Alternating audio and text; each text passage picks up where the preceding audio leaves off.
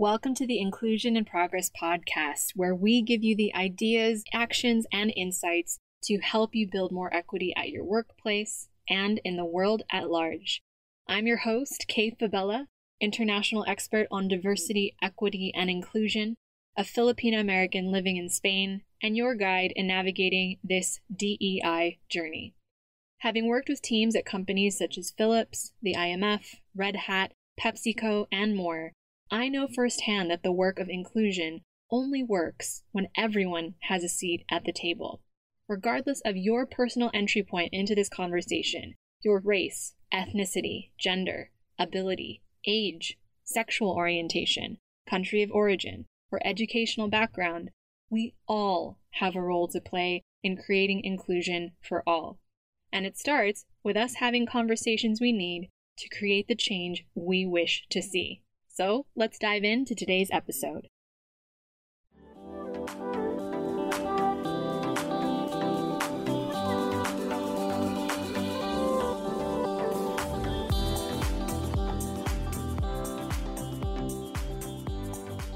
Hello, and welcome back to Inclusion in Progress. Now, at the time this episode is coming out, Team IIP and I are somewhere between Mombasa and Nairobi, Kenya. My husband will actually also be flying down from Spain to join me this week as well to celebrate our wedding anniversary and, of course, get some proper sightseeing in while we're here. It really is you know, now that I think about it, a privilege to enjoy the freedom to travel and experience other cultures, especially after the last couple of years, as well as really get to work alongside this team that I've built since the pandemic started. Now, I know obviously you listen to my voice as Kay Fabella on Inclusion in Progress every month as a DEI practitioner who's sharing her research backed insights with a global perspective.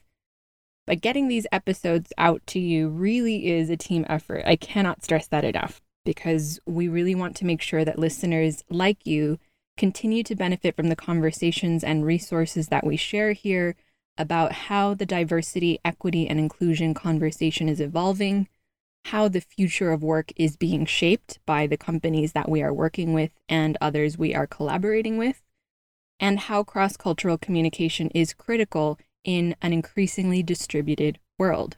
Now, creating accessible content to support equity minded listeners and leaders like you is something that we're incredibly passionate about, and we hope it shows in all the episodes we put out there. So, with that in mind, as this is episode 96, we're closing in on 100. it's super exciting.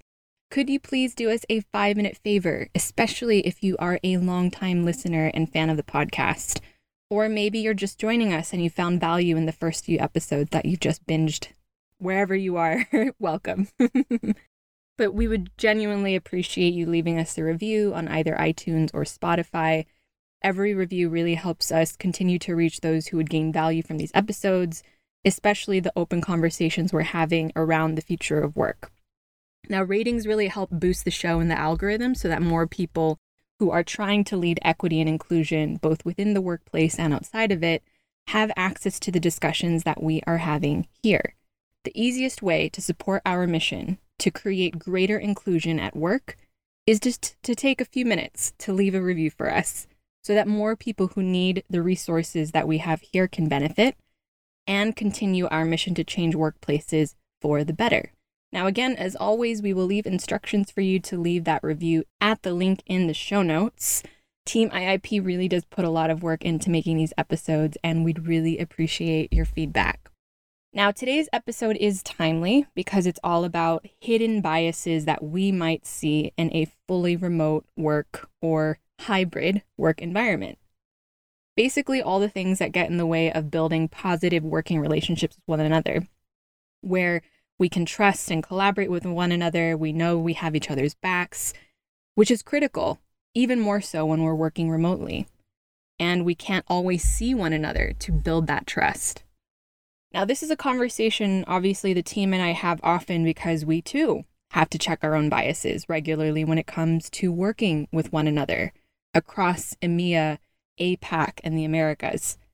And we know from working with our client partners that we're not alone in experiencing this.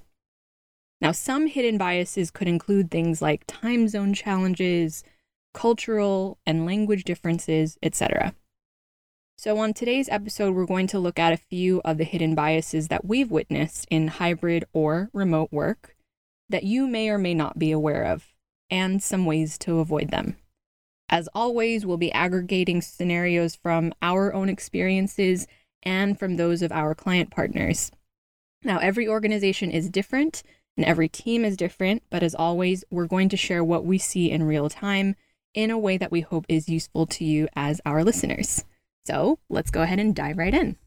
Now, the first of the different biases we're going to be looking at today that come up in a hybrid work environment is location bias. Now, location bias is where we have a preference for working with people who are working in the same geographic location, so the same city, the same town, the same country, or even just the same time zone, more than those who aren't in the same location as us.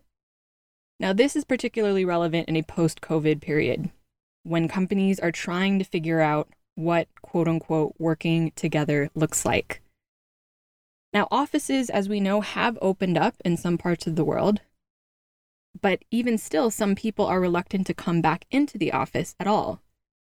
Others are really keen to connect again, and still others are interested in a more hybrid model, just to know that they have the option to come in or stay at home or work from wherever if they need to. Which means many companies are finding themselves in this catch 22. If they keep the office open, will people come in? And will those who actually come in find the connection that they need to whether it's connect with their own team members or if they're newer in career, network with people who could help them advance? While there are many great advantages to remote working, obviously, we are big proponents of it at Inclusion in Progress, there are also challenges, of course, due to location bias and feeling more comfortable working with people who are in or around the same physical location. So, for example, we can look at things like meeting times. Now, one of the companies that we worked with, the head office was in San Francisco, like many tech companies, along with most of the team. But the team that we were tasked with partnering with was actually based here in the EMEA region, mainly in the UK and Germany, which meant that morning meetings out in California, my home state, were always around European dinner time, which was a frustration that came up often when we were discussing ways that we can embed more remote work friendly times teams in the APAC region, we particularly feel for, right? Working with folks out in India or Australia, New Zealand. Those folks often feel like they get the short end of the stick when it comes to meetings if they're working with other teams internationally, because they may have to jump on Zoom or Teams calls with the Americas or the EMEA region during either family time, far later in the evening, or at odd hours in the morning, just to coincide. Now, location bias is not just relevant for our teams in different countries, it's also important for those who might be considering relocating to a different state or country for a more affordable lifestyle. We've seen this in several tech companies that are announcing virtual first or work from anywhere policies, and workers taking advantage of that to move to areas or cities or states or countries which are more affordable. For example, I read a story in the LA Times back in May 2022 about how the number of US citizens relocating to Portugal, which is right next door to me, where I'm based in Spain, increased by 45% last year. 45%. As they're looking for better health care, better housing, and just a more affordable standard of living overall than in my birth country in the US. And of course, that's going to affect our teams. I'll be sure to link to that in the show notes in case you want to check that out, but I thought it was particularly interesting. So, whether you're looking at a globally distributed team that is across borders or watching your own teams consider relocating to a different state or time zone for the first time, awareness of location bias is the first step to checking it and then solving for it. Just because someone isn't in the same geographic location or area as you doesn't mean that they are less capable of connecting and staying on task when you need them. Now, as always, with biases if you're aware of things like this, in this case, location bias as a team or as a leader who's listening. You can communicate with one another to find meeting times that suit or work to create better workflows that don't require all of you having to connect as often and making the time that you do connect much more impactful. So that was location bias. Now let's take a look at the next one that we have for you, which is virtual performance bias. Now, basically, what this boils down to is how we perceive whether someone is working hard or doing their job, which is really influenced by the tech platforms that we're using to stay connected while we're working in a hybrid environment or working remotely. For example, some remote workers are happy to stay connected on Slack or Teams because their work team or their work environment is where they've found most of their personal relationships as well. Whereas others may prefer to turn their notifications off after a certain hour, which is not necessarily a reflection on how hard they're working or not. Now, in our experience, especially with tech companies, we've seen that there is a very distinct work culture in places like the US and the UK, which are a lot more hustle driven. So, this idea of turning off notifications might be considered, I don't want to say unacceptable, but maybe inappropriate, or it, it can be perceived potentially as, again, virtual performance bias, that somebody isn't as willing to do their job if they're not connected. Whereas in places like Spain, where I live, there is more of a live to work culture. So turning off notifications, shutting down that laptop after work might be considered perfectly acceptable. And honestly, in my opinion, a lot more healthy.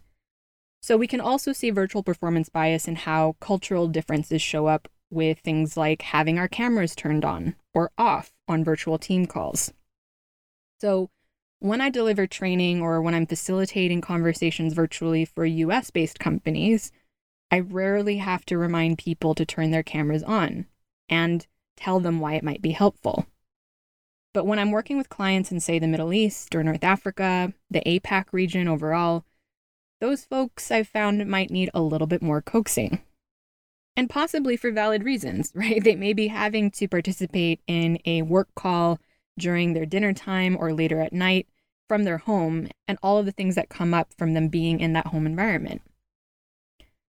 Now, another example is my husband works for a Spanish company where people rarely have their cameras on. We always have a joke. I, I feel like I was on way more meetings where I had to turn my camera on during the pandemic the last couple of years. And I think he's used it, I can count on one hand how many times he's actually turned on his camera for calls.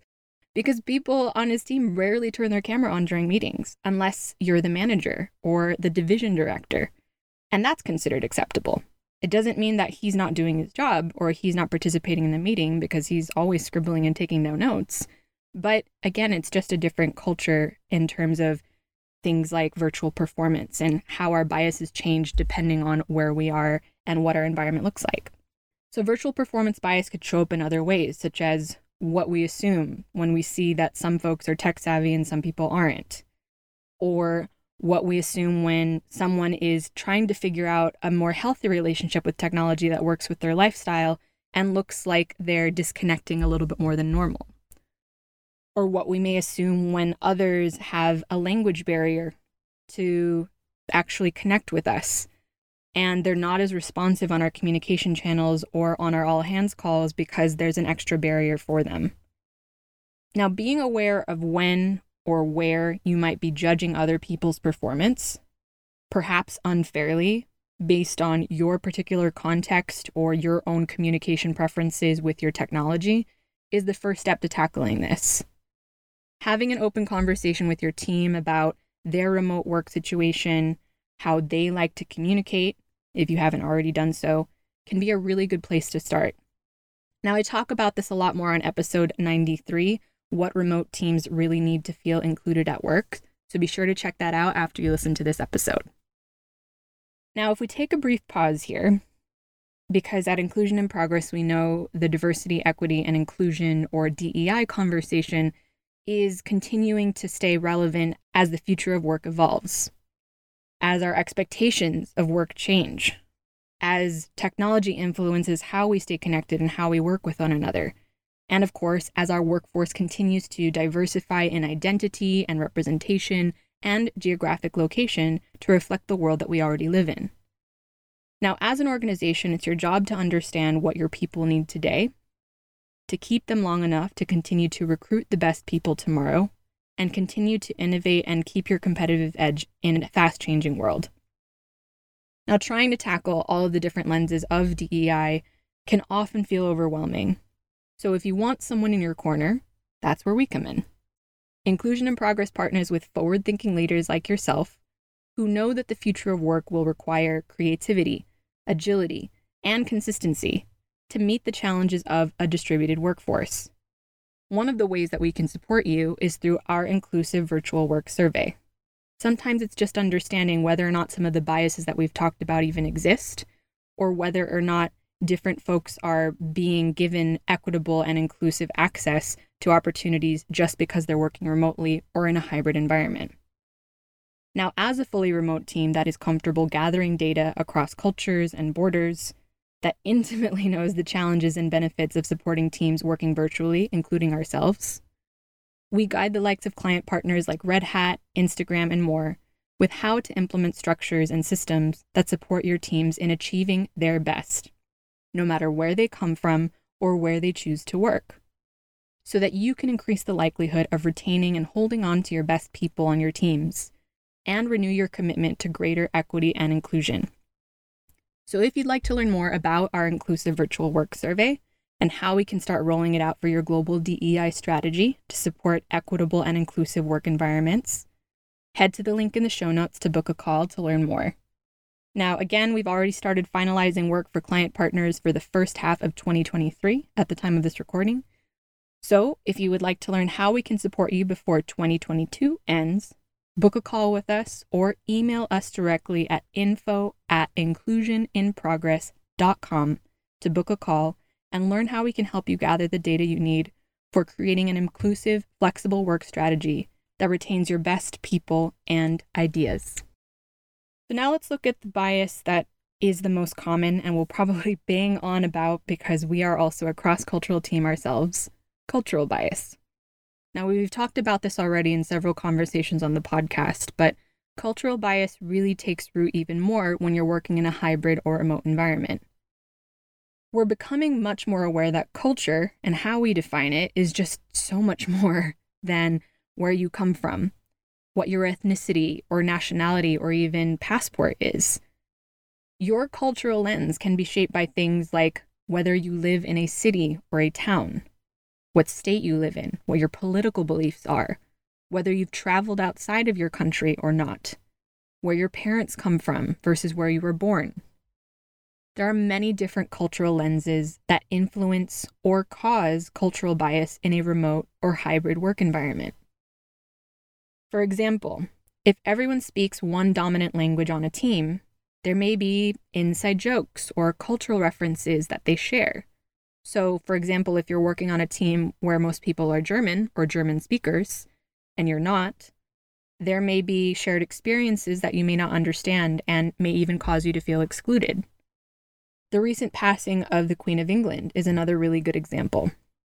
Now, if you're working in a remote team with someone who is from the UK, who is being asked to honor the 10 day mourning period, alongside someone who is from a former colonized nation of the British Empire, there are likely to be a few mixed feelings. so, acknowledging that there may be differences in the way that people feel about an event like this because of their cultural lenses, instead of assuming that everybody has the same reference point, is a really great start. Simply recognizing that we all have cultural biases that are shaped by how we see the world and our environment and how we grew up and what our experiences are, and being able to hold space for people to have multiple perspectives on the same thing is really important. As always, this comes back to having conversations with your team rather than labeling those you perceive as different from you as such. It's all about acknowledging that each of us brings our own cultural lenses to the table and being able to recognize how those differences may show up on our hybrid teams before making assumptions about one another. Instead, it's about leveraging and acknowledging those differences and using them to create a space of psychological safety where people feel they can safely contribute and move the team and the organization forward. So, there you have it the three hidden biases in hybrid or remote work. how they can show up on your team, and ways that you can address them. So we covered location bias, virtual performance bias, as well as cultural bias. Now, at Inclusion in Progress, we know the DEI conversation when we're looking at everything from different levels of unconscious bias to how to structure our hybrid work environments can feel urgent and daunting for organizations, especially as our leaders and our companies are now taking on a new role in defining our future workplaces to work for everyone.